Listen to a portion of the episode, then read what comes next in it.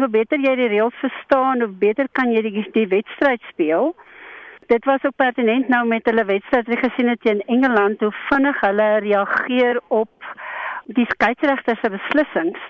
En ek dink dit was een van hulle sterkpunte wat hulle gehad het nou in die wedstryd wat hulle so goed gevaar het. Die reëls is mos nou nie en ek dink die mense het nou maar gestoei om dit altyd toe te pas, maar ek dink dit was een van hulle groot sterkpunte wat ek dink hulle die wedstryd regtig in hulle guns geswaai het. Hulle is blykbaar die enigste span wat 50 doele of meer in elke wedstryd kon aanteken. Is dit omdat hulle die reëls so goed verstaan en speel hulle vinniger pas? Weet jy, ek dink ook so, want onthou daar's omtrent so 120 doele in 'n wedstryd. En as jy omtrent meer as 50 kan aanteken, dan behoort jy baie na 'n aan 'n oorwinning te kom. En ek dink buite die feit dat ons twee doele Marike en Elise baie akkuraat was en jy mens kan sien hulle het hard geoefen, dink ek ook dit is die spoed van hulle spel en dit kom in die verstaan van die reëls dat hulle die bal so vinnig kan voer soontoe. So ja, ek dink dit is ook hoekom hulle so goed gedoen het en ek dink van al drie spanne, dit is vir my gelyk asof hulle die reëls baie meer gebruik tot hulle guns.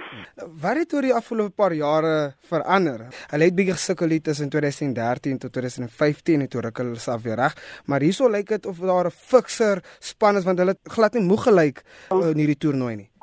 Op die telling word dit is altyd goed gedoen tot halftyd, soos jy sê. Maar buite die feit dat hulle fikser is, Baie van hulle spelers speel ook nou in ander lande wat hulle skerper maak, want ek dink hoe meer jy tawwe wedstryde speel, hoe groter kan jou konsentrasie wees en hoe langer kan jy jou konsentrasie in 'n wedstryd behou. Want mens kan sien hulle het nie sommer net onnodige balle weggegooi nie en dit was pertinent in hierdie wedstryde nou. Hulle het gekonsentreer, hulle het ander mense gesoek as hulle nie vorentoe kon gaan nie, was daar altyd iemand beskikbaar aan die agterkant. En soos jy sê, hulle het vir my omtrent nie uit asem geraak nie. Ja, ek dink fiksheid het baie te doen met jou tellingbord. As jy ver agter is, raar, is jy sommer moer. Is daar iets nuuts waar Netball Suid-Afrika aan werk en dis die rede hoekom hulle seker beter speel? Weet jy wat Netball Suid-Afrika ook nou baie effektief doen is ons het nou hierdie die Brittelfruit en ons het die Varsity Cup. Daar's baie spelers wat USA speel en daai geleenthede wat hulle het om op topvlak wedstryde te speel en ook omdat die wedstryde meer op televisie uitgesaai word het daai spelers meer van 'n amper aansien by die publiek.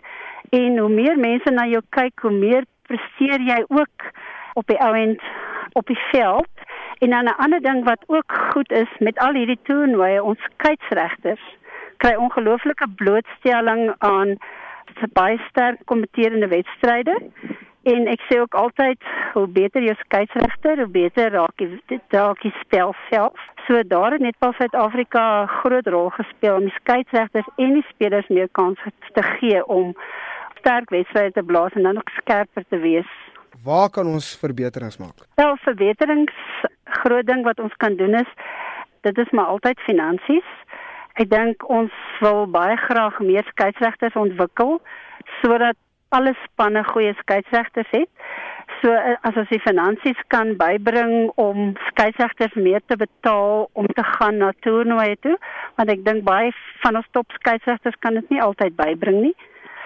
Dan ook ontwikkeling vir skeieregters reg oor Suid-Afrika. Ek dink daar streke wat sit met groot groep top skeieregters en dan is daar streke wat minder het. Veral ons die internasionale skeieregters in Suid-Afrika waar ons vyf briljante skeieregters het. Hulle is altyd bereid om te gaan help oral in Suid-Afrika. So ek dink as hulle vir ons geleenthede skep om dit meer te doen.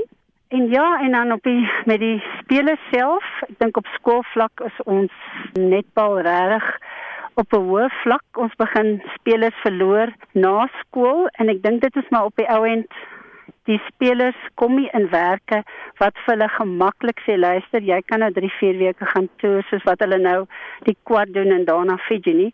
So ek dink ons verloor baie goeie spelers omdat hulle werke nie toelaat nie. So daar's as weer finansies het kan jy vir spelers sê luister vir 2 jaar kom konsentreer net op netbal.